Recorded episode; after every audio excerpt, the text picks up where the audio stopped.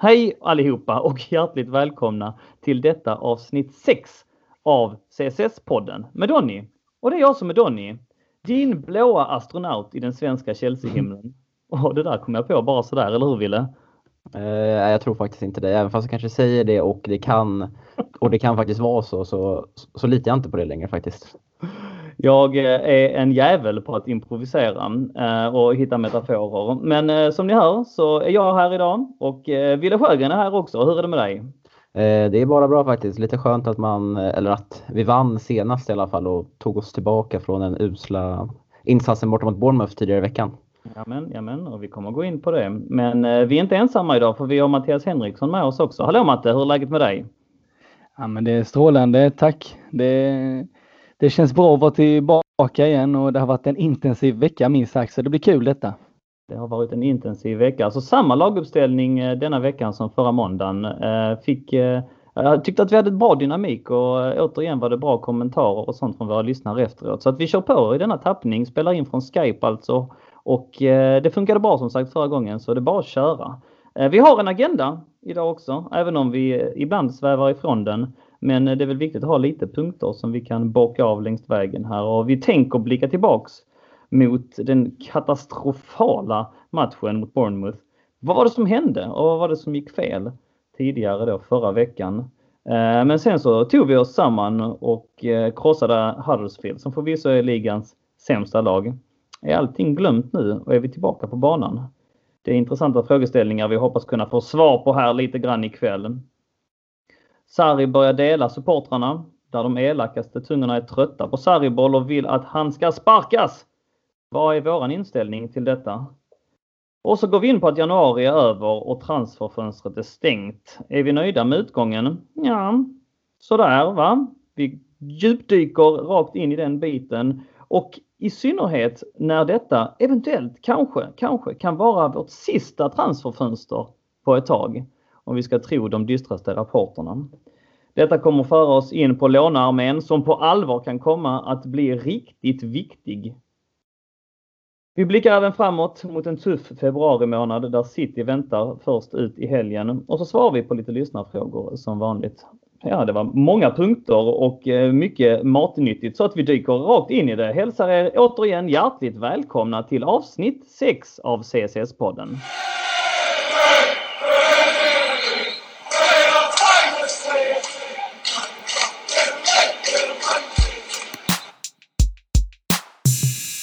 Sprang bom, trumvirvel. Snyggt! Välkomna grabbar! Eh, då är vi varma i kläderna. Jäkla jojolag vi har blivit va? Eh, blandar och ger. När det funkar så ser det ju riktigt bra ut. Men allt som oftast höll jag på att säga, men ibland så blir det riktiga bottennapp också. Det var det jag ville säga. Eh, inledningsvis i den här podden tänker vi bita tag i det fruktansvärt tråkiga scenario som utspelades mot Bournemouth vår största förlust på 22 år. 4-0 blev det. Och vad var det egentligen som hände? Jag lämnar ordet över till dig Ville direkt.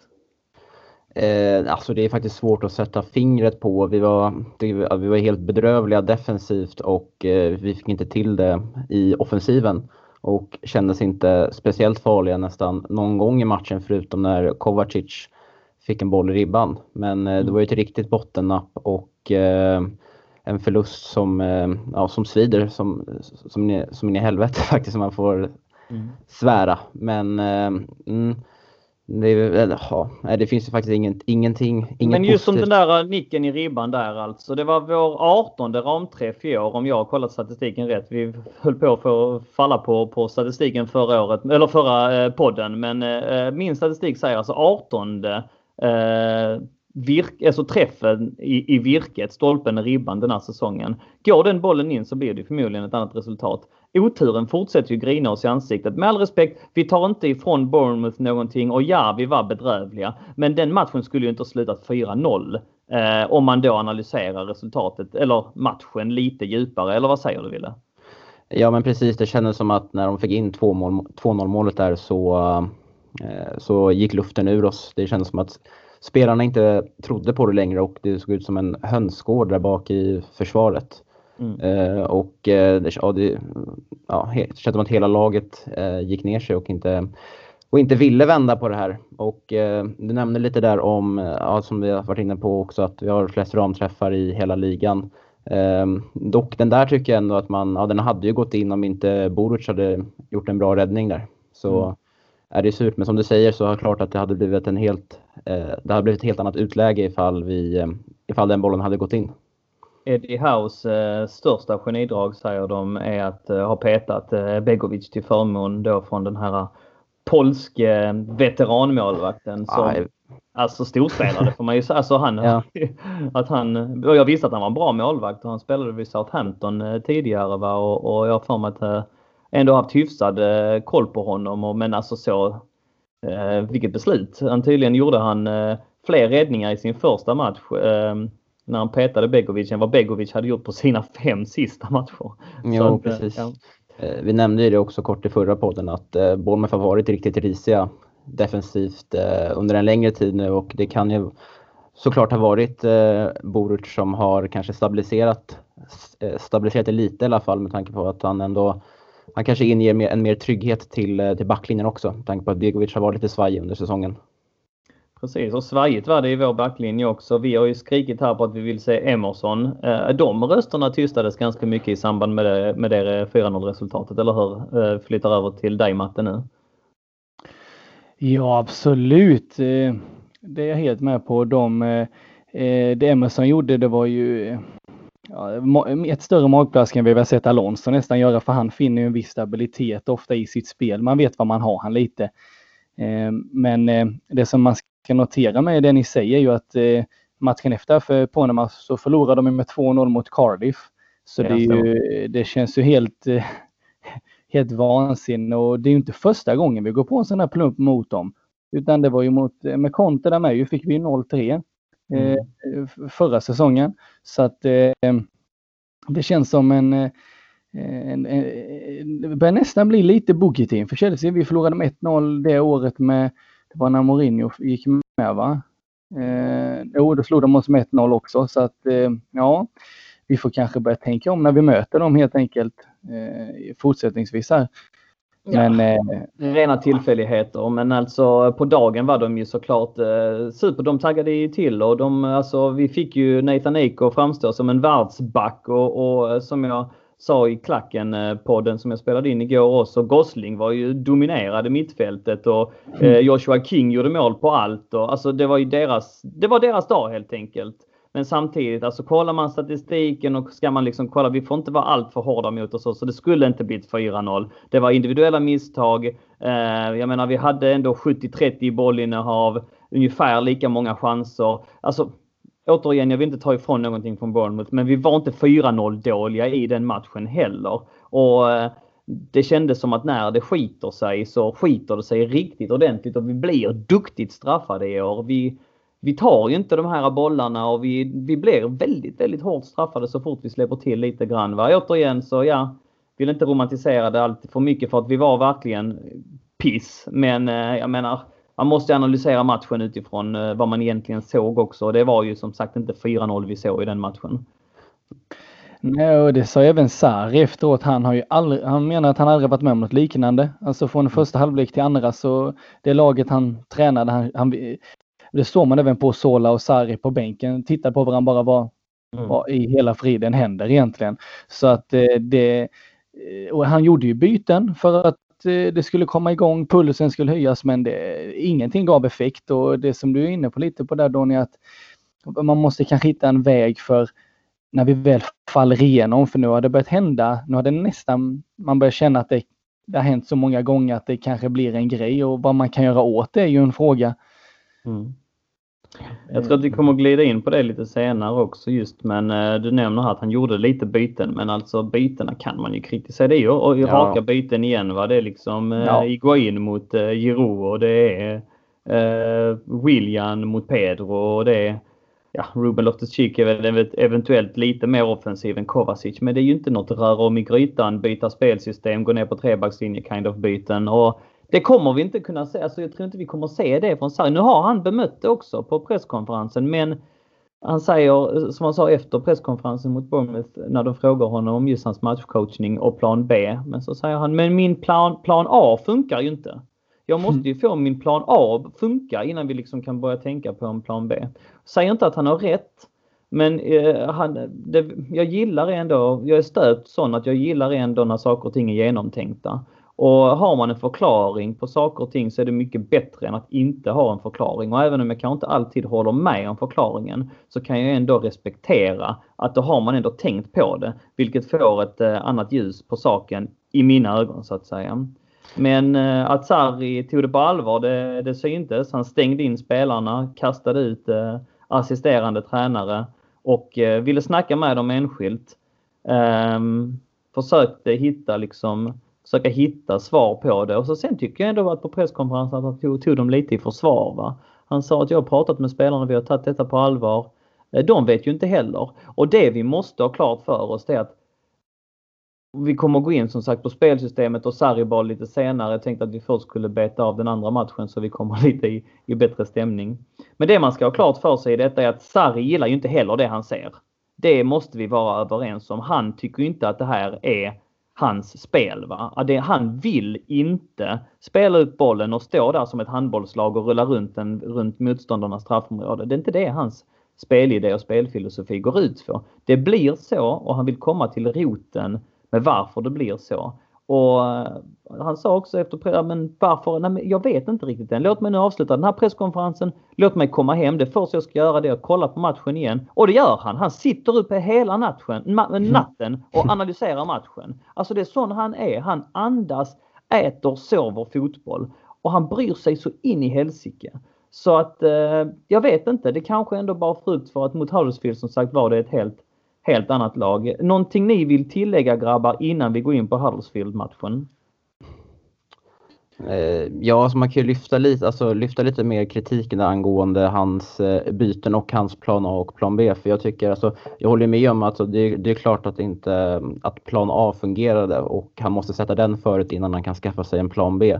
Men jag kan även känna att eh, alltså jag, jag, tror inte att spelarna lär sig plan A efter, efter 16 minuten i ett underläge med 0-2. Då tycker jag ändå att Sarri måste försöka chansa lite mer och som du säger där, alltså, testa att spela med två anfallare på topp och eh, kanske gå ner på en trebackslinje när vi desperat måste jaga för att ja, alltså, för hans byten förändrar ju inte matchbild känner jag. Jag tycker att det är extremt eh, bra poänger du lägger fram där. Det är inte då man, man, eh, man sätter sitt system utan då är det borde desperationen eh, tala. Så det, det, det håller jag med om och det, det tycker jag att man kan kritisera honom utifrån. Vad säger du Matte?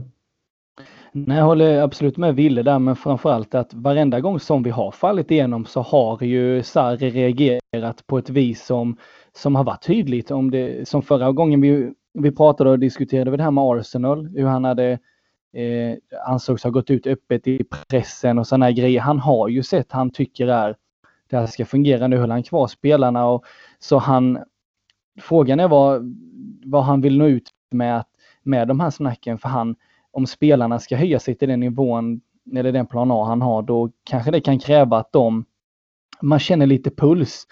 Att vad det som händer. När Terry lirade för några år sedan och det gick illa, då satte han en glidtackling i knät på någon och sen så vände matchen. Mm. Och, eh, så, lite sån, släng in en typ som Cahill som kan trycka och forcera igång även om vad man tycker om honom. Men han kan få igång glöd, alltså no, någonting och få spela. För det, det är det jag tycker jag inte ser. Det är när, det, när vi väl börjar falla så är det som att alla elva faller samtidigt. Ingen som eh, eldar igång det eller står där och skriker eller liksom dunkar huvudet i varandra eller hur man ska beskriva det. Mm. Så det något sånt revolutionerande. Han känns ju som en sån person. Sarri överlag, att han är en sån, det har man ju sagt där när Higuain kom första dagen på träning med honom, antingen så bantar du eller så är du utanför mitt lag. Han mm. har, han har ju lite de strategierna så då tänker jag, vad fasiken, tryck till! Mm, mm. Ja, angående Higuain så reste vi oss som sagt mot eh, Huddersfield och eh, jag sa ju det att jag trodde att eh, i förra podden att Higuain skulle vara tvungen att göra mål mot Bournemouth för att mm. inte komma in i den här negativa spiralen och, och landa bland de högen av misslyckade anfallare som vi har haft här i Chelsea. Och det tog Torres väldigt lång tid innan han gjorde sitt första mål. Jag sa att det var viktigt för en anfallare att, att göra mål och jag pekade just på det att nu gjorde han inte mål mot Sheffield Wednesday så då hoppades jag att han skulle göra mål mot Bournemouth. Det blev inget mål där som vi vet, men han gjorde två mål mot Huddersfield. Om vi glider in på den matchen så det innebär ju att istället för att om han hade gått mållös då mot Huddersfield också så hade han gjort noll mål på sina tre första. Nu säger ju statistiken att han har gjort två mål på sina tre första vilket är en fan så mycket bättre plattform att stå på eh, mm. inför den här sista halvan av säsongen. Um, och uh, Huddersfield överlag uh, kändes ju bättre, kändes som ett mer taggat Chelsea, kändes som ett mer samspelt Chelsea och det Chelsea som vi, vi ville se. Uh, eller hur Ville? Ja men precis. man ska ändå ha med sig ändå att Huddersfield är ligans, bästa, eller ligans bästa, ligans sämsta motstånd. De är bäst på att vara sämst. Ja men precis. Så det var ändå, ändå väldigt positivt att, eller det var ändå väldigt bra att eh, att Huddersfield stod för motståndet efter eh, nederlaget mot Bournemouth. Mm. Men jag tycker att vi höjer oss ju avsevärt även med, med tanke på laget som står på motståndarsidan så känns det som att det är ett ännu mer taggat Chelsea som kliver ut på banan där och eh, vinner faktiskt. Alltså vinner ju helt rättvist med de siffrorna också. Så att det var väldigt skönt att de kunde, att de kunde skaka av sig den förlusten mot Bournemouth eh, så fort som de gjorde. Vi såg att eh, som sagt Alonso tog tillbaka sin plats i backlinjen. Ross Barkley kom in istället för Kovacic. Kovacic har jag kritiserat här lite i podden eh, de senaste avsnitten. Jag tycker han började som sagt sin Chelsea-resa väldigt piggt men att han eh, faller in i anonymitet rätt mycket de sista matcherna och i hösten och vintern att han har varit rent dålig i vissa matcher och jag tyckte att det var välkommet att Barkley kom in och, och bidrog. Kändes som att han var på hugget på ett annat sätt.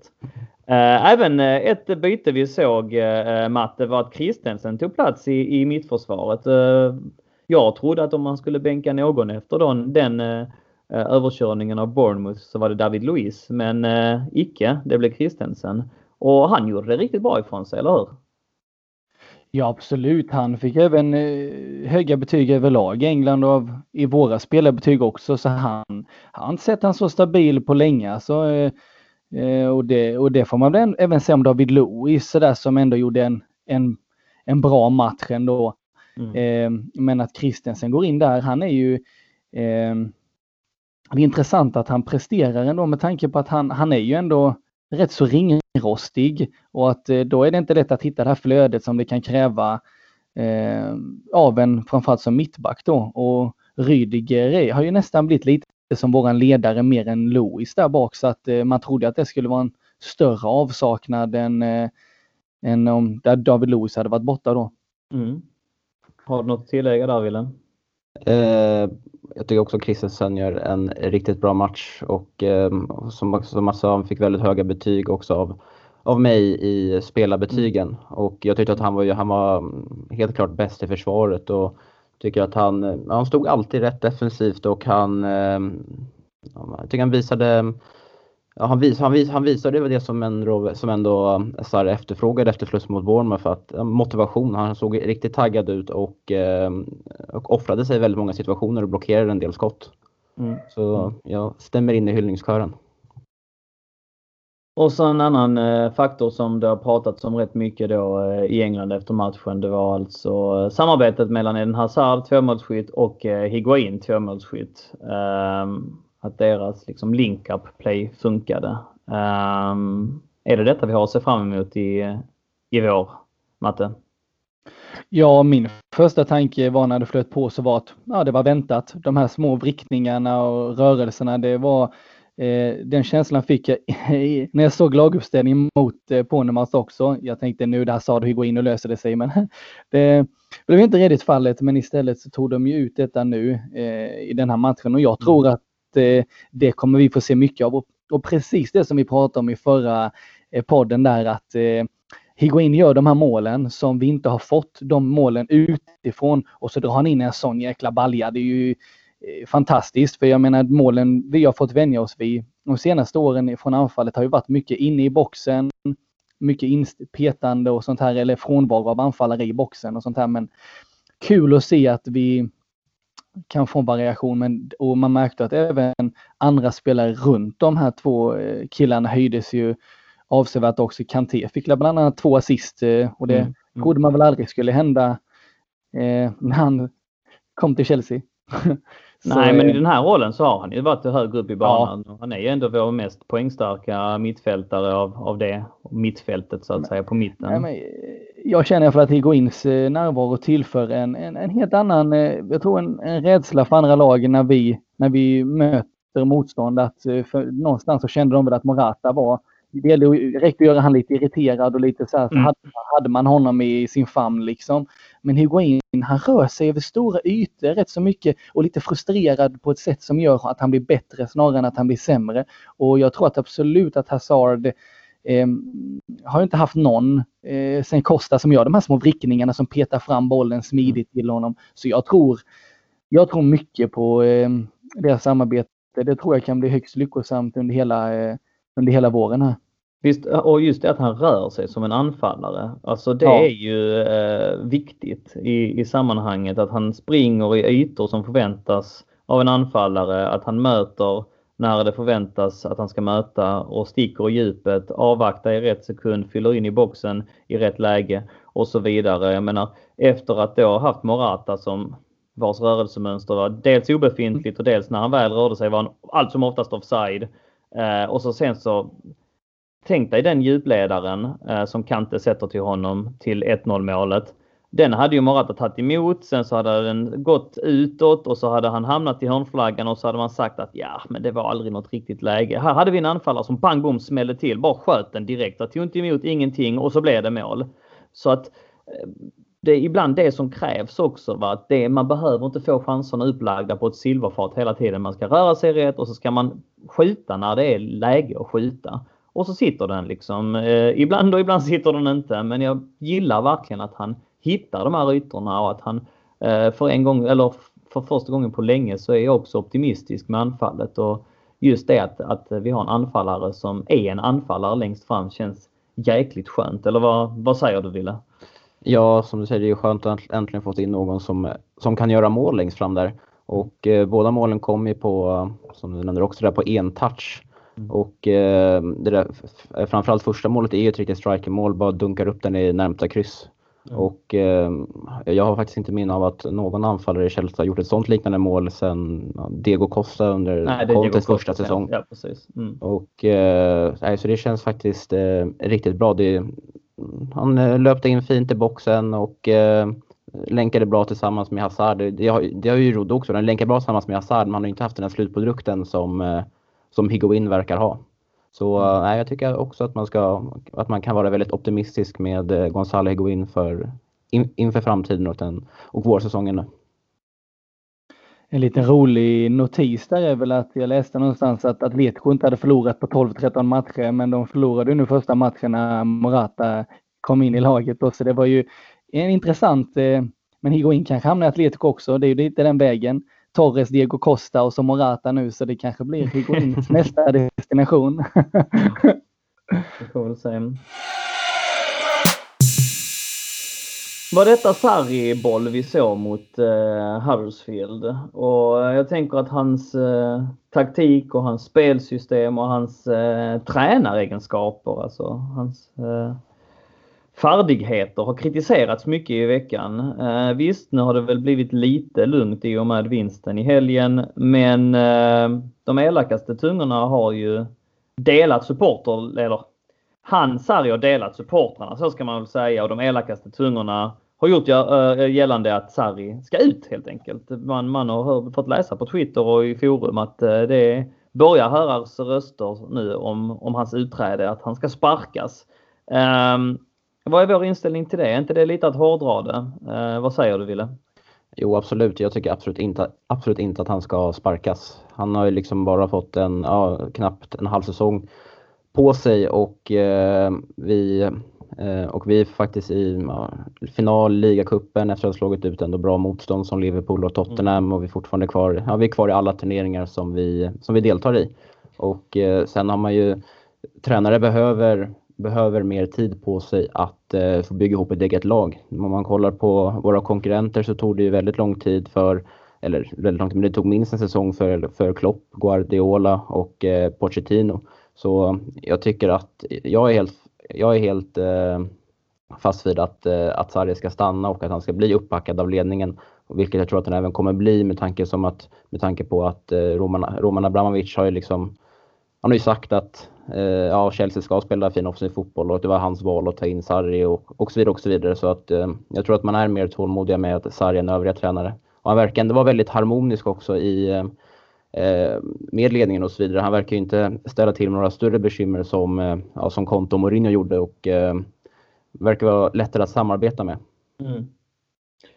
jag tror också att det är den mest eh, kompetenta tränaren vi haft på väldigt väldigt länge. Han, eh, som sagt, han, han verkligen bryr sig och man måste också ställa det mot vem, vem ska man ta in i så fall? Det är alltså, jag tycker det är absurt alltså det, när, när det blir så att nu ska man, och det är ofta samma supportrar eh, i supporterskaran som, som liksom gnäller på att vi sparkar tränare stup i kvarten som sen liksom vill ha tränare sparkade och nu helt plötsligt börjar man prata om hur bra Conte var och att han aldrig borde fått sparken. När om vi backar bandet bara ett halvår så var alla överens om att Conte skulle ha sparken. Jag menar, det är liksom det är en väldigt splittrad och svår grupp Chelsea-supportrar att, alltså, att ha att göra med och det går inte att göra alla nöjda som det verkar. Men jag är helt inne på den linjen också, eh, Villa, Vill att jag tycker att det vore sjukt om man gjorde sig av med honom nu. Eh, visst skulle det bli så att man förlorar mot City i ligacupen, i ligacupsfinalen. Man åker ut mot United i FA-cupen. För övrigt en parates angående FA-cupen. Alltså skulle man vinna mot United i den här femte rundan av FA-cupen, tror jag att det är, så är ju resan till finalen, den är ganska utstakad. Det är alltså rätt många tuffa lag som har fallit bort redan. Och Europa League får man nog ändå kalla oss favoriter i. Ehm, och så sen alltså, vi är ju på fjärde plats så att eh, eh, det är inte någon katastrof utifrån eh, ligaspelet sett heller. Så att nej, jag tycker verkligen att, att man, man, måste, man måste ge... Visst, det är ju ett nytt spelsystem och ibland när man tar sig an ett nytt spelsystem så går det bra direkt. Det såg vi på Conte lyckas med första säsongen exempelvis. Va? Men ibland tar det tid och man vet aldrig detta innan. Det är väl klart man inte vet. Alltså, det vore ju konstigt annars och då hade ju alla gjort det. Va? Mm. Men, men jag tror också på att ge honom tid så kommer detta sätta sig. Men vi vet om att detta är ett lag som under Conte, under Mourinho var defensivt inriktat. Vi skulle kontra, det sitter lite grann i kulturen. Va? Och då måste vi ha tålamod med att det tar lång tid att ställa om och att försöka liksom ändra rötterna på det sättet. Det görs inte i en handvändning. Eh, förstår ni vad jag menar? Ja absolut. Jag tänkte komma in på det också. Nej men det är att eh, som du säger att det sitter liksom i väggarna inne på Cobham att, ja, men vi, att Chelsea är ett, eh, det är ett, eh, ett defensivt kontringslag och han ska komma, komma in och ändra en filosofi i en klubb som har, som har funnits där ja, ända sedan eh, Mourinho tog över för andra gången. Så att mm. det gör man inte bara på en natt och eh, han behöver, ja i alla fall, för, han behöver en säsong på sig att, eh, ja, att förändra den här kulturen. Så att jag tycker absolut att han ska få fortsätta med sitt arbete. Och en intressant eh, input att ta fram där också att han verkar ändå relativt harmonisk även när han är pressad. Han svarar ändå bra på frågorna. Eh, som sagt återigen, man håller inte med om allting han gör. Va? Så det är inte det jag säger. Men han försöker bemöta allting i ett lugnt och sansat, eh, på ett lugnt och sansat sätt. Eh, nu så var det väldigt tydligt att han ville ha en ersättare till Fabregas. Nu fick han inte det. Men då, då, då började han inte gnälla utan då sa han direkt i, i, nästa intervju, ja men vad gör du nu? Nej men nu har vi, ja nu är läget som det är mm. va. Och nu då, då får vi prova med Ampadu, det, det, är en artikel som vi faktiskt rapporterade om på CSS eh, på Svenska fans idag. Att, att han har yttrat sig om det va. Nej men då får vi testa lite annat va. Nu har vi testat Ampadu i den rollen eh, och vi har testat Kovacic i den rollen och han lutar väl lite mer av att, att eh, Ampadu kanske inte riktigt passade i den rollen och att Kovacic faktiskt kunde göra jobbet i den, i den rollen. Va? Så att ja men då får vi testa lite, då har vi detta att jobba med. Och det var absolut ingen glidning till styrelsen. Jag menar de kom på löpande band eh, när vi hade Conte. Va? De här liksom, ja men jag har inte spelare till att göra ditten och alltså de här passningarna, de här pikarna. Va? Utan det här var liksom genuint och det får man ändå ge honom, ge honom cred för tycker jag. Mm. Uh, Matte, har du något att tillägga där?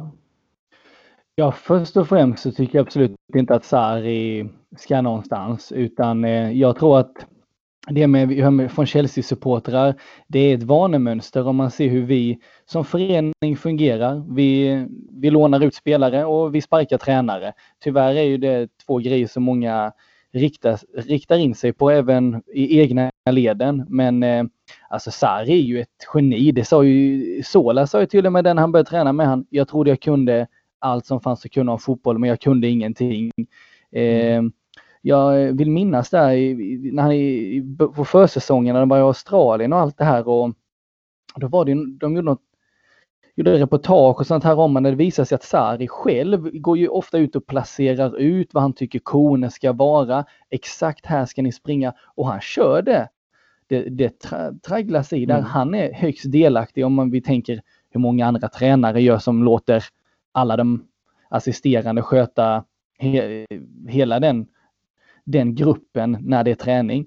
Eh, så att Sari han, eh, jag kan inte se vad egentligen som har varit en sån flopp den här säsongen. Visst har det varit några... Alltså snubben spelar in sina egna träningar med tränare och mm. tittar på dem i efterhand. Alltså det, det, det tyder ju på, på ett visst engagemang, eller hur? Och just det du säger om, om att eh, vi är en klubb som sparkar tränare och lånar ut spelare. Ja, det, det är vi ju, men å andra sidan det är ju väldigt många andra lag som också sparkar tränare och det var väl bara Arsenal som höll sin tränare så där, alltså som kunde briljera med det i Premier League. Att ja, men vi har ändå haft vår tränare i, i så många decades liksom. Och hur jäkla många titlar fick de på det sättet liksom. Så att Nej. alltså kollar vi nu på, på United sen Ferguson då har de ändå haft Moyes, eh, Van Gaal, Mourinho som de har avverkat. Eh, Ryan Giggs en kort period, nu har de Solskär. Alltså det, det är inte bara, bara vi som, som eh,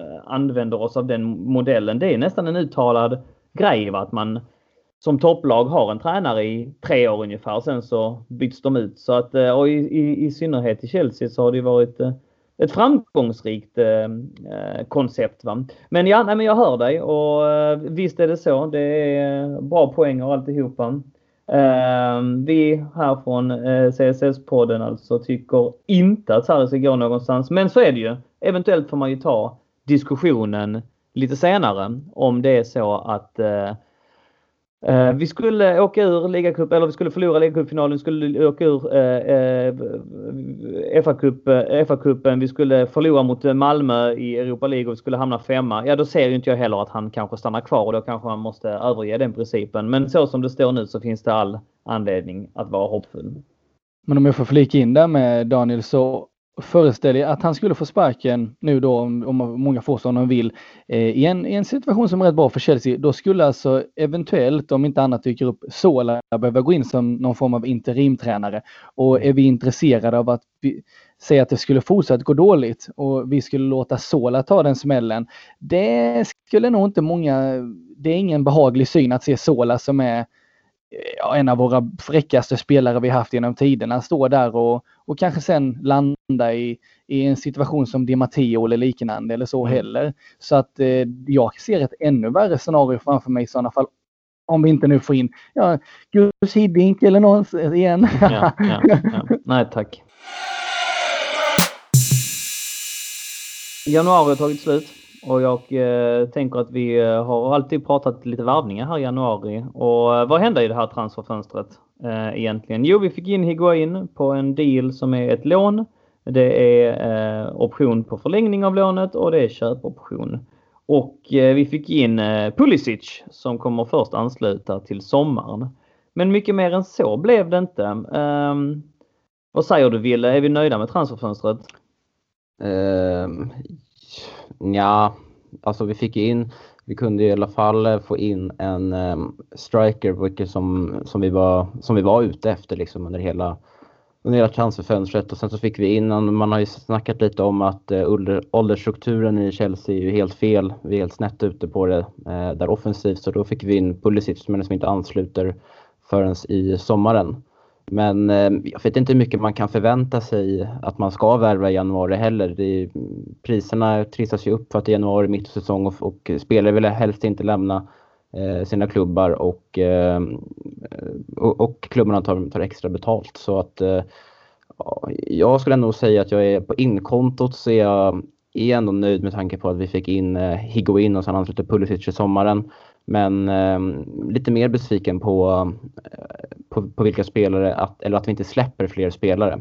Vem tänker du på? Eh, nej, jag, tänker, alltså, jag tycker det är helt onödigt att vi sitter med en Danny Drinkwater och en Gary Cahill i truppen som inte Men ens... Gary Cahill har ju sin förklaring i att snubben har ett halvår kvar på kontraktet och att han inte fick de buden som... Det, där, han fick ju bud eh, från eh, Fulham som var ganska så, han var ganska nära men han ville förmodligen inte åka ner med dem liksom och han fick förmodligen inte tillräckligt bra betalt för att han skulle ta det budet heller. Det ryktades också om för kort eh, kontraktstid. Han fick bud eventuellt från Monaco och eventuellt från Juventus. Men han fattar väl att han kommer, och inte nog med det så kablades nyheten ut på transfer deadline day så bra och slipade hans manager, eller vad säger jag, hans, hans agent så att uh, Gary Cahill has decided to stay and fight for his place in Chelsea. Vilket är ju en väldigt bra take på det hela när det förmodligen egentligen handlar om att han vill vänta ett halvår för att få en, en fet sign-on bonus eventuellt och för att han sitter i ett bättre läge helt enkelt och who can blame him? Så att det, det, det tror jag snarare handlar, handlar om det i och med att han sitter på ett utgående kontrakt om man inte liksom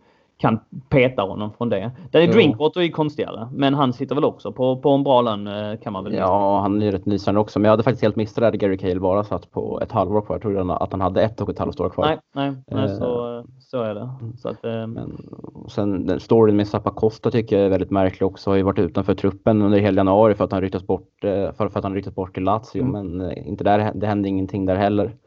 Um, och sen kan man ju kort nämna också där att vi var ute, eller vi rapporterades vara ute och var väldigt intresserade förhandlingar med både Cagliari och eh, Zenit angående Parede, Paredes och eh. Mm. Um, för att Sarri vill ha en ersättare till Fabregas men mm, jag tycker ändå att det, ja, det, tycker att det eh, att vi istället ska på en sån position när vi har ändå, vi har ändå tre unga mittfältare som, eh, som ändå ska, som ändå, som ändå målet måste vara att, att slussa in dem i laget. Så då tycker jag det var bra att vi, att vi avstod att eh, värva, värva dyra spelare istället. Mm, mm. Matte, din take på det hela? Nej, helt med. Jag eh, sa i förra podden att jag inte faktiskt trodde någonting skulle hända, men något eh, lån hit och dit blev det ju. Men överlag så känner jag mig eh, eh, nöjd. Jag tycker att eh, det här skiftet mellan Higuain och Morata är eh, till vår fördel på alla vis. Sen att vissa spelare skulle ut, ja, det kan jag hålla med om och det sa, men det sa väl Sarri med nu när eh, han inte fick någon ersättare för Fabregas med att det var lite så här att han kommer få testa det han har. Även om det så genererar Danny Drinkwater och sånt här också.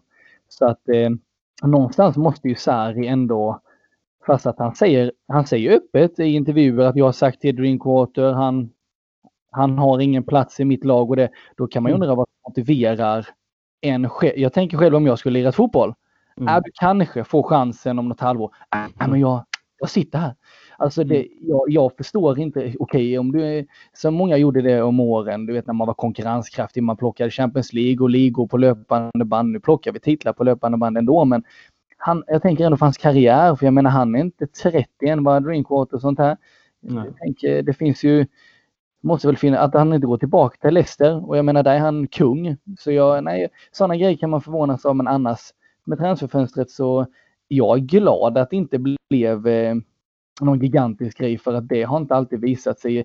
Desto mer orolig kan jag vara över, eh, ni nämner ju Gary Cahill men det är väl, jag såg väl att det var det jag la upp på Instagram, sju spelare eller någonting som, eh, som är på ett halvår kvar. Allt från David Lewis till Kovacic och lite sådana förhandlingar hade man ju velat. Jeroe också på ett halvår kvar nu och Cahill. Lite hur man tänker där som förening. Är det killar vi vill behålla för att ah, de, lite som du pratade om Donny där med Cahill, med sig, nu blir inte den sortens bonus men jag menar de kan ju locka till sitt jäkla kontrakt i, i sommar nu om klubben vill behålla dem om de inte kan lösa mm. någonting innan. Man hör ingenting om det eh, hittills i alla fall. Eller jag kanske har missat, eh, om ni har sett det någon annanstans så får ni gärna upplysa. Ja men David Luiz eh, har man ändå hört lite grann får jag ändå säga. Där har hans agent varit ute och, och eh, faktiskt varit hyfsat frispråk i, pressen ändå och sagt att David Luiz vill stanna, klubben vill att han ska stanna och de kommer nog hitta en lösning. Där är det ju den här uh, över 30 principen som ja, spökar lite grann. Va? Så att man försöker hitta Eh, Eh, men, men då har man försökt gått runt det vad man förhandlar om det med att det ska bli ett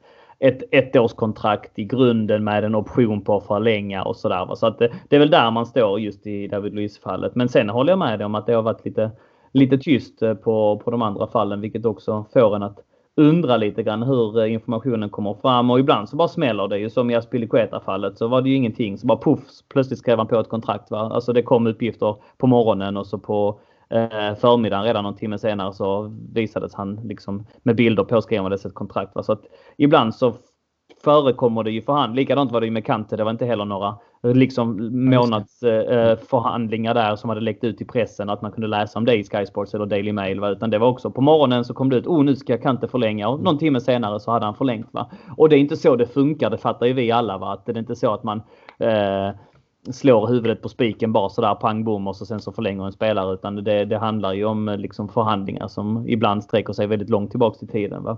Men eh, ibland så är de mer offentliga och ibland är de mindre offentliga och det kan man förundras över hur det, hur det blir så. Um, men jag tänker just på det här eh, att um, detta kan ha varit vårt uh, sista transferfönster på, på ett tag. Om man vill tro de, de mörkaste, mörkaste rapporterna. Och då glider vi in på nästa punkt i agendan, nämligen eh, den här pågående Fifa-utredningen. Ehm, och jag tänkte att jag hugger tag i den, i den eh, biten direkt, eh, bara recapar med så här klassisk rant som jag har förberett lite grann. Med det jag har läst på för att det har ändå intresserat mig när de här uppgifterna kommer redan i höstas. Och då var det alltså franska Mediapart som hade publicerat dokument som tillhandahållits av då eh, Football Leagues och, och, redan där när man hör Football Leagues så börjar man dra öron, öronen åt sig lite grann med tanke på vilka scoop de har legat bakom. Eh, I början var det ju mest prat om att man agerat fel i samband med värvningen av Bertrand Traore. Eh, men det visade sig att man granskade en 15 till 25 spelare, spelarövergångar då utländska och unga eh, spelare eh, uteslutande. Eh, det hela handlar om att man inte, om jag har förstått det hela rätt, så handlar det om att man inte får värva någon under 18 år som då alltså befinner sig utanför EU, att det är lite strängare regleringar där. Och även om eh, Traore skrev på sitt kontrakt när han var 18 år, alltså på dagen, så fanns det då ganska starka bevis på att han hade bott i Wimbledon, alltså strax utanför eller ja, i London om man vill se det så, med sin mor och sin bror ehm, i två års tid. Och att han hade då gått en privatskola, en ganska dyr privatskola där med, med Chelsea-kopplingar dessutom. Um, inte nog med det så dök han upp i ett eh, matchblad då att Arsenal, vår granne, tjallade ner honom och, och, visade att han hade faktiskt varit med i en match också innan han hade fyllt eh, uh, 18 år. Um, det här var ungefär de, de eh, uppgifterna som alltså var i, i höstas. Och eh, sen efter det så har det kommit lite mer uppgifter. Eh, kan också passa på att säga att, att eh, Fifa bekräftade i den här vevan ehm, att eh, man bedrev en utredning mot Chelsea. Ehm, att man sa att man bedrev flera utredningar också men ja det stämmer att, att Chelsea är ett av de lagen som, som man bedriver utredning. Eh, men man dementerade att man skulle ha landat i ett beslut om ett transferförbud. För att det är det det handlar om alltså att straff, bestraffningen i förlängningen skulle vara att Chelsea inte får varva då på upp till fyra fönster. Eh, vilket skulle innebära två års då transferförbud. Eh, även Chelsea släppte ett pressmeddelande i samma veva och där eh, förnekade man att man hade gjort någonting fel. Eh, vilket var intressant. Man, man tog avstånd från det. Man menade att man hade agerat i linje med Fifas regelverk. Och så passade man på att säga då att man givetvis samarbetade nu i utredningen och hjälpte till i utredningen genom att då ta fram adekvata dokument och handlingar som bevisade en ståndpunkt att man inte hade agerat på något felaktigt sätt så att säga. Eh, det som har kommit fram nu här i slutet av januari innebär ju, det är uppgifter från Guardian som har spridit sig och eh, där har det höjts. Ehm, där i slutet av januari eh, så har de här uppgifterna kommit att det inte längre handlar om 25 fall utan då pratar man om över 100 fall som granskas och att man har granskat detta då i, i tre års tid så att det är en utredning som, som sträcker sig ganska lång tid. Eh, och att man nu har gått in i fas 2 i utredningen, vad det nu innebär. Men det låter ju som att man har stramat till tyglarna. Och man, baserat på den artikeln så låter det också som att beslut kommer komma snart. Va? Eh, man menar att det är Fifa, Chelsea och FA som diskuterar och att det hela handlar väldigt mycket om att det är svåra gränsdragningar med vad eh, när en spelare är på trial. När han alltså provar och när han är eh, köpt. Och att det är den gränsdragningen som håller på att benas ut. Och eh, vidare i den artikeln står det också att Chelsea är en av fem engelska klubbar som utreds. Så att det finns fem till klubbar i den här eh, gaten som utreds i England. Det finns dessutom fler klubbar runt omkring, men det är bara Chelsea som har namngivits. Men det finns fler klubbar i Europa. Eh, I den här artikeln så framgår det också att matchen som Traore spelade, den här Arsenal-matchen då, va, som var en ungdomsmatch med, med ungdomslaget och det var att han figurerade på någon bild iklädd Chelsea-tröja då i något programblad. Att det inte var en träning, alltså att det inte var en tävlingsmatch, vilket då styrker Chelseas ståndpunkt om att man inte har agerat fel, att han bara varit på trial hela tiden. Um, ja, och var landar detta då? Vi vet om att eh, Fifa har eh, eh, skickat ut transferbannar tidigare. Barcelona, Atletico Madrid och Real har fått bannar på två fönster även om Reals blev förminskat till ett fönster. Och det kan mycket väl bli så att man landar i att Chelsea får en transferban. Men Chelseas agerande här i januari, transferfönster, tyckte jag eh, inte direkt spred någon desperation kring sig. Eh, man fick in Higuain förvisso, man kunnat åt sig Pulisic, men hade man eh, liksom blivit rådgiven, vill jag hoppas i alla fall, att eh, man har en hängandes ban över sig, så kanske man hade försökt knyta upp sig på lite fler spelare långsiktigt. Va? Så jag tycker inte att det, det kanske, eller det, den signalen som skickas ut är att det här kanske är ändå under kontroll eh, på någon mån. Har jag missat någonting grabbar i hela den utläggningen?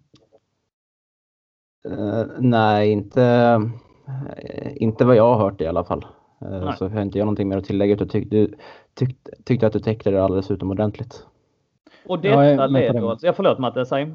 Nej, jag instämmer med Ville där bara. Du, jag tycker du fick med allting på ett väldigt pedagogiskt vis. Vad bra. Fantastiskt. För att detta för oss över till lånearméns eh, vara och icke vara. Att den, eh, Eh, om det nu blir en transferban, då kanske vi kan se frukterna av den här lånearmén. Och Mattias, du har ju djupdykt i den här lånearmén och uppdaterar den spalten också på sidan. Va? Så att vi, vi ska ha koll på lite vad som händer runt omkring med Chelsea-spelare som alltså tillhör Chelsea men som är utlånade. Och förstår ni vad jag menar? Att, att den, den liksom livlinan kan komma att användas på riktigt nu här. Kanske redan i sommar för att vi pratar om att den här bannen kan kicka in redan i sommar. Eh, och hur ser då fältet ut Matte? Jo, till att börja med så är det just nu 41 spelare som är utlånade. Eh, Alltifrån gigantiska talanger till ja, Bakayoko och Eduardo som är ute på lån då. Eh, och många av de här är ju alltså riktigt intressanta om något år eller så också att träda in i klubben på en mycket högre nivå än vad de gör nu. Ehm, och eh, jag som alltid har varit kritisk till lånearmén, det, det är kanske någonting som man får prioritera. Och det är någonting som också som ett sidospår har diskuterats huruvida man kommer få ha hur många spelare utlånade som helst. Så nu kan vi verkligen smida medan järnet är varmt. Mm. I den här lånearmén då så kan man ju bland annat konstatera att eh, eh, Victor Moses är ibland skriven som anfallare, en liten rolig notis. Det trodde man inte skulle vara. Eh, men i övrigt så, eh, så finns det väldigt många i den här armén som eh, eh, som skiftar klubbar fram och tillbaka. Eh, och den långa målsättningen hela tiden varit att de ska vara fortsatt utlånade. Den som vi hade på längst, en som vi hade på flest lån av alla, Joao Rodriguez lämnade ju i förra veckan med 10 lån, stod han på som 22 år gammal. Mm. Men annars så har vi väldigt många som eh, som jag tror absolut hade kunnat ta en, eh, om inte ja, om vi tänker oss att sådana här, säg Pedro och diverse och de här killarna som inte får förlängt nu till sommaren och det, eh, där kommer det lämnas hål. Och det... Men outar de, eh, outar de de hetaste ute på lån just nu då? Då tar de liksom topp tre, topp fyra någonting? Ja, det är ju definitivt Mason Mount. Eh, mm. Sen är det ju Reece James. Vem, vem är Mason Mount? Du kan inte bara ta för givet att våra lyssnare vet exakt vilka de här är. Mason Mount i Derby, eller hur? Givet, ja precis. Och eh, Lampard tränar ju dem där och han såg ju en storhet i Mount och han betraktar ju eh, Mount lite som sig själv som spelare med mycket skott utifrån och Mount har ju, har ju varit med bland annat och skjutit bort United från kupper och sånt här under, mm.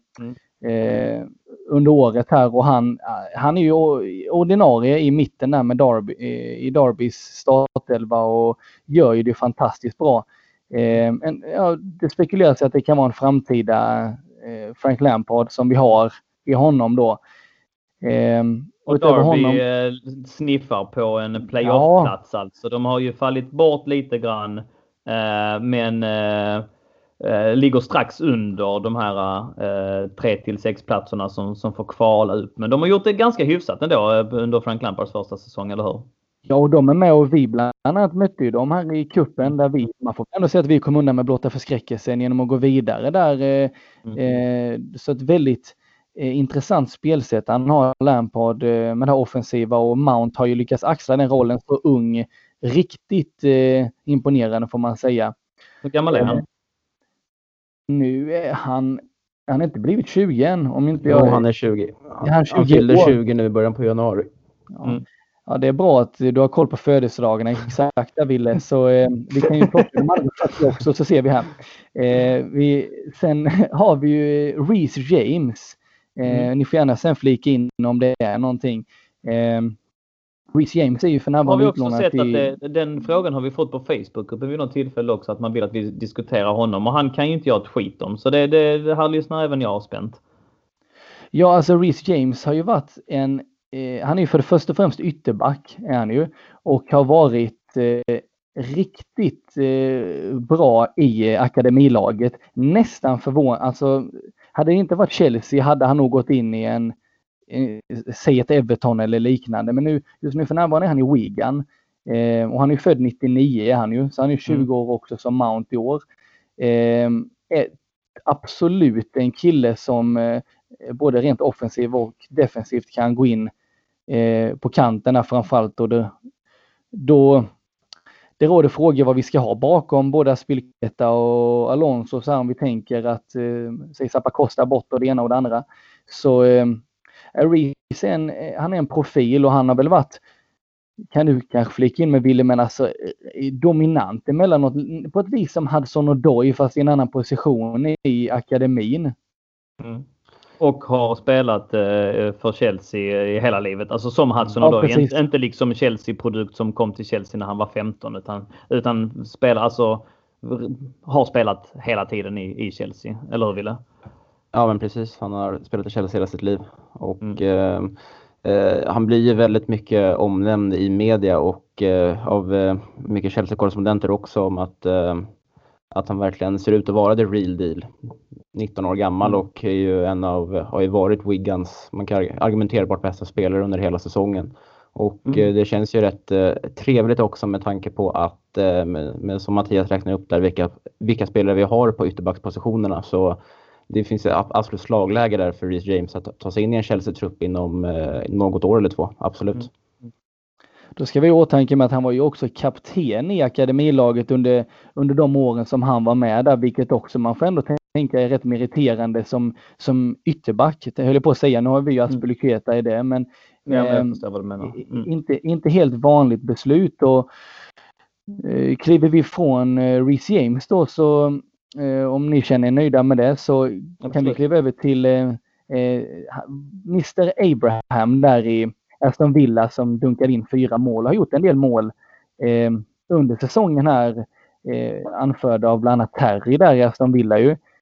Eh, mm. När det var som värst här också Morata och det så diskuteras det om vi skulle ta eh, hem Abraham som skulle kunna gå in och göra ställa till med mycket i klubben men nej, det delade nog inte redigt eh, Chelsea-ledningen utan han blev kvar och det diskuterades väl ja, vad ryktades till att han skulle gå. Det var ju en Premier League-klubb där som Wolves. det var. Precis. Mm. Men det gick ju stöpet så att han blev kvar. Men han, han är också 20 om jag inte är ute och seglar. Och eh, har ju också han eh, framtiden framför sig. Han 97, ja precis. Han fyller 22 i år faktiskt. Exakt, ja, precis. Mm. Fortsätter briljera där faktiskt. Där, Ville. Nej, de, eh, eh, så att eh, han, men han, rent statistiskt så ser det ju riktigt bra ut för honom, men han är väl inte Ja, min personliga åsikt är att jag är inte riktigt säker på Abraham. Han har inte varit den här lika dominanta karaktären i olika sammanhang eh, som man tänker de här andra vi nämner, även ett par andra individer inom eh, eh, utlåningsarmén då. Eh, mm, mm. Men eh, absolut, jag, är det nu något du vill tillägga där Wille med, med Abraham? För du har ju lite koll på honom mm. tänker jag. Ja, koll och koll med alltså, men först och främst så man, kan man ju liksom addera att eh, varför jag tycker också att Gonzalo Higuin är en bra värvning i på tanke på hans ålder också att eh, jag tycker att Tem Abraham har sett spännande ut i Aston Villa. Jag kommer ihåg att jag och Daniel var lite oense om det när mm. vi pratade om honom för några avsnitt sedan. Men eh, jag menar på att jag tycker att jag mest, det är mest Youtube-klipp nästan till 90% jag har sett, har sett Abraham och eh, jag tycker att målen han gör, jag tycker det är, att det är på hög kvalitet. Och eh, när, han, när han fick chansen att spela, han fick ju spela en del under försäsongen i, här i somras. Så jag tycker också att han, att han var inte liksom, ja, kanske en taskig jämförelse, men han var ju liksom, han var inte sämre än, än Morata och eh, mm. och Tim Abraham är ju en sån där ålder där, där han har framtiden för sig medan Morata kanske är på att han har visat upp en större potential än han visar i Chelsea men eh, det känns nästan som att han, han, att han ändå är ganska färdig medan Abraham har framtiden för sig. Och mm. eh, redan stängt in 19 mål på 24 matcher i Championship och då ska man ju komma ihåg att eh, Patrick Bamford blev ju liksom, han blev ju upphöjd till skyarna när han gjorde 17 mål på en hel säsong i Championship i eh, mm. Middlesbrough eller vad det var. Så att eh, nej men Ted Abraham tror jag faktiskt kan vara ett eh, smaskigt alternativ till, eh, ja, inom framtiden tillsammans då med både Mount och eh, Reece James vann eh, November eh, eh, Player of the Month i Championship och är nominerad eh, nu här i januari också för eh, eh månadens spelare. Ehm, jag, jag ställer mig fortfarande lite skeptisk till, till Abraham och det är dels det jag såg av honom förra året när han ändå fick ganska mycket speltid i Swansea. Att jag tyckte inte att han visade på någonting. Och sen håller jag väl inte riktigt med om just hans, att hans mål. Jag har också kollat mycket Youtube-klipp på honom och tycker det faktiskt är en del straffar och en del tap-ins. men med det sagt så motbevisas jag gärna. Jag vill ju gärna att det ska gå bra för honom. Men mm. jag tror nog lite mer på, på eh, Mason Mount och eventuellt då Reece James efter det jag hört här er prata om. Men Tabby Abraham, ja, är jag inte riktigt övertygad om. Men eh, vi, vi, får väl se. Nej, jag sitter inte och säger heller att, jag, att, eh, att han kommer att spela inom som framtid, men jag Nej. tycker att det finns, alltså, han, han visar tendenser på att, han, att, att det finns möjlighet att han gör det. Och eh, det är upp, det är upp till honom själv helt, helt enkelt. Absolut, och han är ju eh, hyllad och, och i ropet. Är det någon mer här ni vill, ni vill ta fram innan vi, vi lämnar lånearmén? Ja, skulle det vara någon också skulle det vara Ola Aina i eh, Torino då eh, för närvarande. 21 mm. år och eh, gjorde ju en del matcher under Conte där eh, under 2016-17 och, och varit utlånad till Hall och nu är han i, i som sagt Italien där och han gör det bra. Han var även bra i Hall med ska betonas men eh, eh, det ska poängteras att även om en spelare gör det riktigt bra i en utlåning, en säsong, då då har ju fortfarande Chelsea makten som de ibland tar och ändå flyttar spelaren till en annan klubb. Även om de mm. säger att det, det, fungerar riktigt bra i, i föreningen. Så var ju med en stor eh, och tog med Fulham upp och var stor där och gjorde sin bästa säsong. Men han tog sig tillbaka av Chelsea och var inget alternativ där utan det ska vi poängtera att Chelsea eh, håller inte kvar spelarna nödvändigtvis även om det går kanon i en säsong. De gör oftast inte två år i i en klubb. Det, det förekommer men det är rätt så mycket rullians. Men... Eh, Varför är det så? Det är en fråga som jag har försökt rota lite i och tittar man lite i detta med utlåningar så ser man ju att det är rätt många i, eh, i föreningen som arbetar med det här med eh, de åker ut, det är lite, vad ska man säga, utlåningsansvariga. De åker och tittar till spelarna, jag tror till och med en sån som Paolo Ferreira är med i detta mm. också. Och de, de håller ju span och de ringer runt och så här och, och eh, en rätt stor karusell Chelsea har gjort av hela den här grejen, vilket då sen kan komma till vår fördel om vi pratar om det du började prata om där Daniel. Men mm. det är en fråga som jag inte riktigt har fått, eh, fått ordning på varför just vi, eh, och det är samma det här om ni hörde det när eh, det ryktades här nu att Mitchell skulle gå till Everton på antingen mm. lån eller försäljning. Det vägrade Chelsea för att de sa att vi har redan en spelare utlånad till Everton och de anses vara för en hög uppsatt konkurrent. Men de kan ju till vissa föreningar låna ut många spelare. Så mm. de har ju någon form av mönster där som, som inte riktigt har gått att kristallisera vad det beror på. Men eh, ja, jag, till, till ett senare tillfälle kan vi kolla och rota lite mer i. Nej, men jag köper det. Synnerligen intressanta input. Så um, återigen så uh, det, det tyder ju på att det finns någon tanke där i alla fall. Ja, men Ola Aina i alla fall och han, han, han var också om man skulle säga fyra killar på rak arm, då är det nog de och sen har vi bra killar på lån med, men de, så säg, men de, de kanske kommer vara på lån i många år till. Så. Mm, mm. Mm, nej, men det känns väl ändå som att uh, Ola Aina är ju, han är ju lite äldre också än de andra herrarna vi har pratat om. Uh, men det känns väl ändå som att det, det är ändå han som har kommit uh, längst i sin utveckling på något sätt att eh, han ändå är startspelare i ett eh, Serie A-lag. Mm. Så ja, det finns väl absolut eh, möjligheter för honom att vi kommer få se honom i, i Chelsea i framtiden. Mm. Uh, och uh, det är samma sak där, ytterback och uh, med de ytterbackarna vi har just nu så, så finns det slagläge. Det är här diskussionen får en i alla fall att bli hoppfull. Alltså så är det ju. Att även om vi skulle få en transferband på oss så ja, det kanske inte bara är för, för det negativa så att säga. Nej. Och jag känner med att spelarna någonstans, många trivs nog i detta. Det kan inte vara något annat för om vi tänker då att Eh, ni minns kanske i somras där så Jeremy Boga hamnade i en situation där han togs hem från lån och så skulle han lånas ut eh, eh, enligt Chelsea, men han sa det, jag vill inte lånas ut en tredje gång. Antingen får de sälja mig eller får de satsa på mig. Och mm. följaktligen så gick ju han då, det var till Italien där, jag, jag miss, missminner klubb där. Men det är väldigt sällan spelare gör sådana statement utan de, mm. de går in i den här lånehärvan så någonting bra. Det känns som att det här är en parallell del av Chelsea som fungerar rätt så bra. För jag menar det höjs ju varje år. Förra året var det 33 spelare var rekordet nu uppe i 41. Mm. Det är någon cirkus här mm. som fungerar på ett vis ja. som jag tror inte vi kan greppa. Nej, men det är liksom, då är lite uttalat också, eller vad många kommer till slutsatsen som, som stämmer också, det är att Chelsea de värvar in, alltså de, de har ju många spelare på lån som inte kommer från akademin utan som de har värvat i 17-18 års ålder och sen lånat ut dem låt, och låtit dem växa på, eh, utvecklas på annat ställe och för att sedan eh, sälja vidare dem med vinst. Så det är en ekonomisk strategi från Chelseas eh, sida också. Absolut, så, så är det. Det spelar roll också. Bara för att vi i eh, lånearmén innan vi knyter ihop den säcken för vi måste gå vidare. Vi, tiden börjar rinna iväg. Så min favoritspelare som jag har skrivit en artikel om och, och pratar varmt gott, Louis Baker, spelar ju i Reading numera.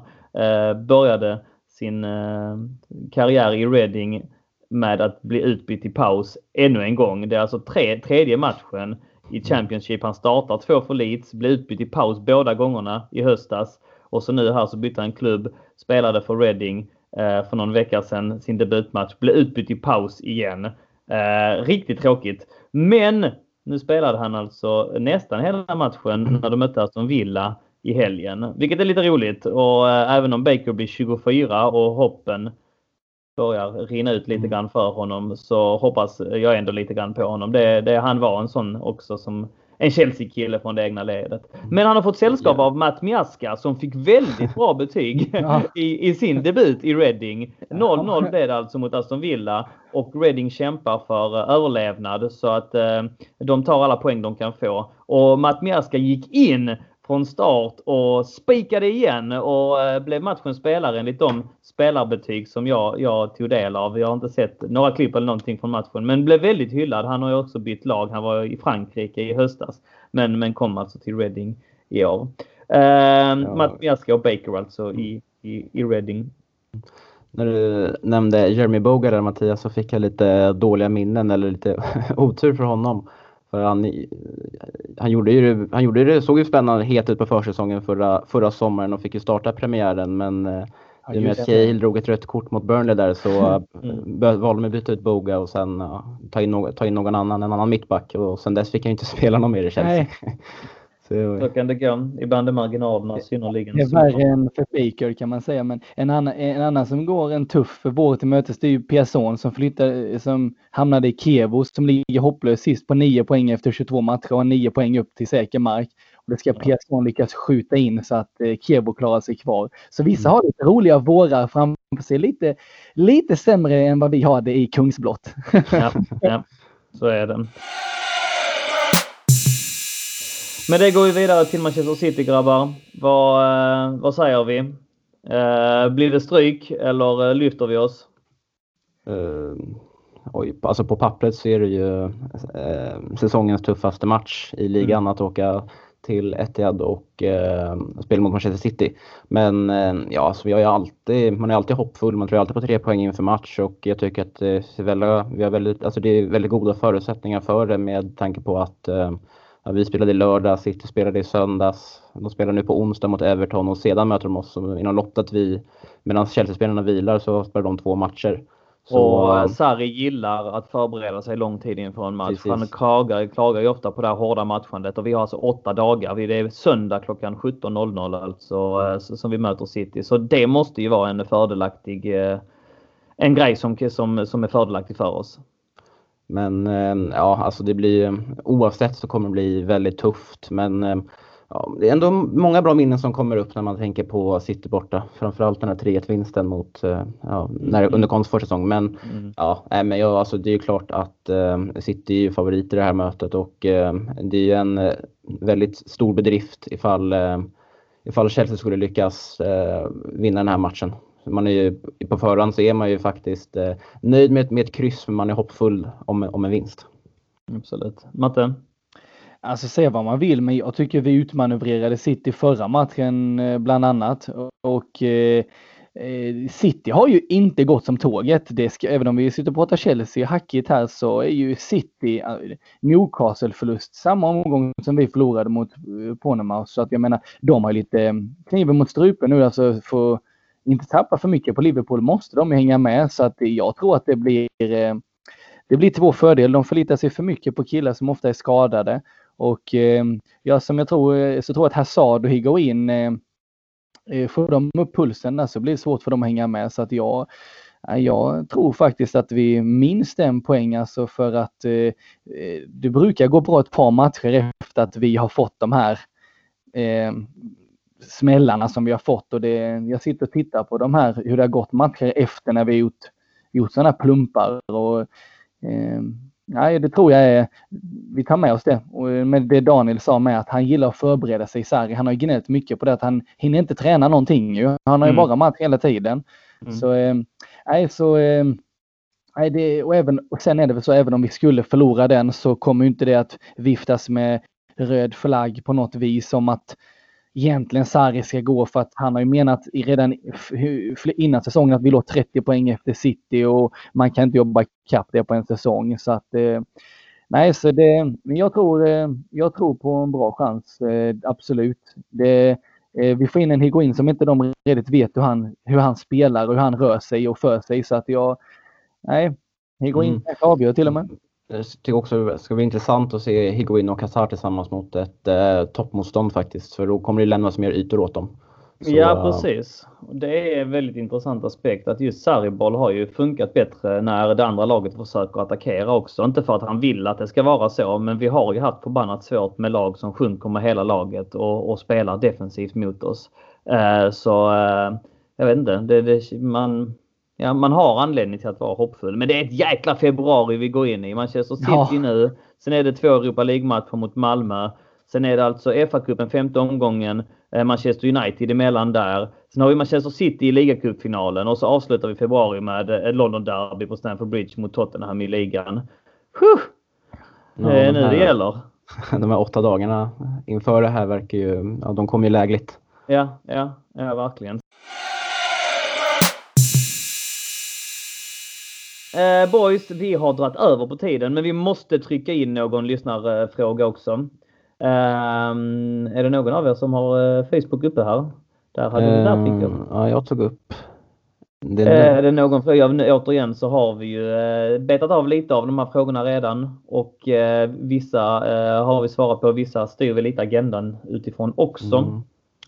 Uh, jag satt och funderade lite på den här förut. Uh, ja. Varför vi inte kunde ta in Batshuayi. Mm. Uh, och jag började tänka lite så här på, på, på sommarfönstret och jag undrar verkligen om, alltså om det var, om det var Saris beslut att han inte skulle ta en plats i truppen eller om det var ledningen för att han hade ju bara, han kom tillbaka från VM väldigt sent och tre mm. dagar efter han kom tillbaka så blev han utlånad till, till Valencia där så att Ja, den jag är faktiskt lite, lite märklig, märklig och jag är inte helt eh, hundra på om det är, eh, om det är Sarris beslut. Mm. Att, eh, att, han, att, att han inte var önskvärd från honom. Och det var vad man kollar på om att han kör med en anfallare och han har ju oftast klarat sig på, på två anfallare i truppen och en, sen har han ju bytt lite till falsk nia där så i Napoli och Chelsea och då kanske Eh, Giroud är svårt, och, svår att göra, göra sig av med när han precis, väldigt, eh, när han precis har kommit och Morata också en större process och Batshuayi kanske var det mest naturliga för att bara skicka iväg. Mm. Jag vet inte. Det, jag har också tänkt lite över det. Jag eh, har varit under uppfattningen om att det faktiskt var Sarris beslut och att han tyckte att han inte tänkte på, på det sättet som att han såg honom på några träningar och fattade beslutet ganska snabbt att han måste, måste lånas ut.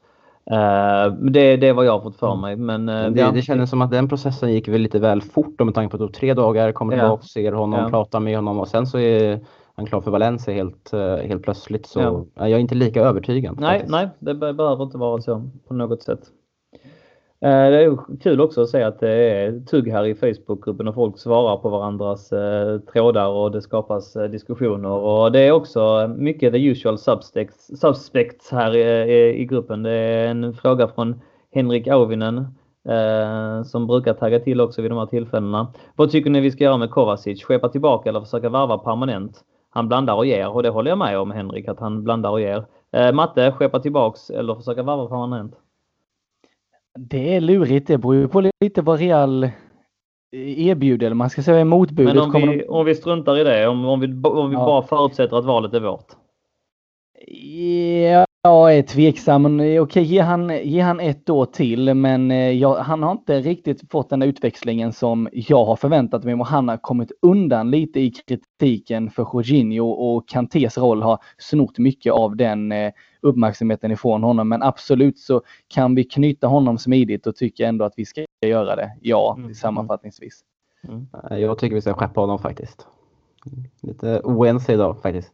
Ja, men Nej, bra. men jag känner typ så här att alltså, vi måste få in mer poäng från mittfältet och det är inte Kanté har börjat leverera framåt. Jorginho ser ju inte ut att göra det och eh, Kovacic har ju historiskt sett inte varit någon poänggörare och, eh, och har inte utvecklat sig under säsongen heller. Så jag tror att vi behöver få in något, eh, någon annan typ av spelare där. Och med, med det så tycker jag att Kovacic är en grym fotbollsspelare men jag tycker inte att vår balans på mittfältet generellt är rätt dåligt och behöver få in en mer eh, en poängstark, en spelare som gör mer poäng och då tycker jag att det är Kovacic som måste flytta på sig. Med tanke också då på att vi har Loftus-Cheek och Mason Mount som kan komma in på den positionen och eh, så då tycker ja. jag att det är onödigt att ha en Kovacic på bänken.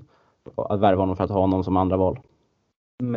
Jag vill, jag vill ju flika in att det beror på vad Real säger. De kan slänga in Hazard i det här och då är det bara att glömma det. Så att, eh, mm. men jag är med där. Det blir lite, som tycker du vill är lite på, han kan tugga runt lite som Bakayoko gjorde ibland, Kovacic. Han trampar mest vatten ibland och man undrar, är han på plan? Så att de, upp till bevis. Jag tänker ändå så här, han har ett halvår på sig nu och stegar upp och det är nu de stora matcherna kommer under de här fyra månaderna. Så vi kanske får äta upp det vi säger på sikt. Vi får, det hoppas vi. Ja, men med allt negativt vi säger så hoppas vi alltid att vi blir motbevisade. Ja. så är det. Men vi kan inte bara sitta här och hålla med varandra och Nej. ösa beröm över våra spelare heller. Då kan vi döpa om den till uh, romantikpodden och knyta vänskapsbandspodden. Det är meningen att vi ska gå lite på djupet. Så att, uh, och det tycker jag att vi har gjort här idag och det är fantastiskt roligt. Men som sagt, det är dags att dra i handbromsen nu. Stort tack för att ni var med båda mm. två. Fantastisk diskussion, mycket som vi betade av och eh, mycket matnyttigt i denna podd. Hoppas lyssnarna har tyckt om den också. Och till er säger vi fortsätt engagera er. Fortsätt sprida glädje, inte bara mot oss utan ta hand om varandra där ute i Chelsea, Sverige också. Och så hoppas vi att vi ses och hörs snart igen. Carefree och Up the Chels.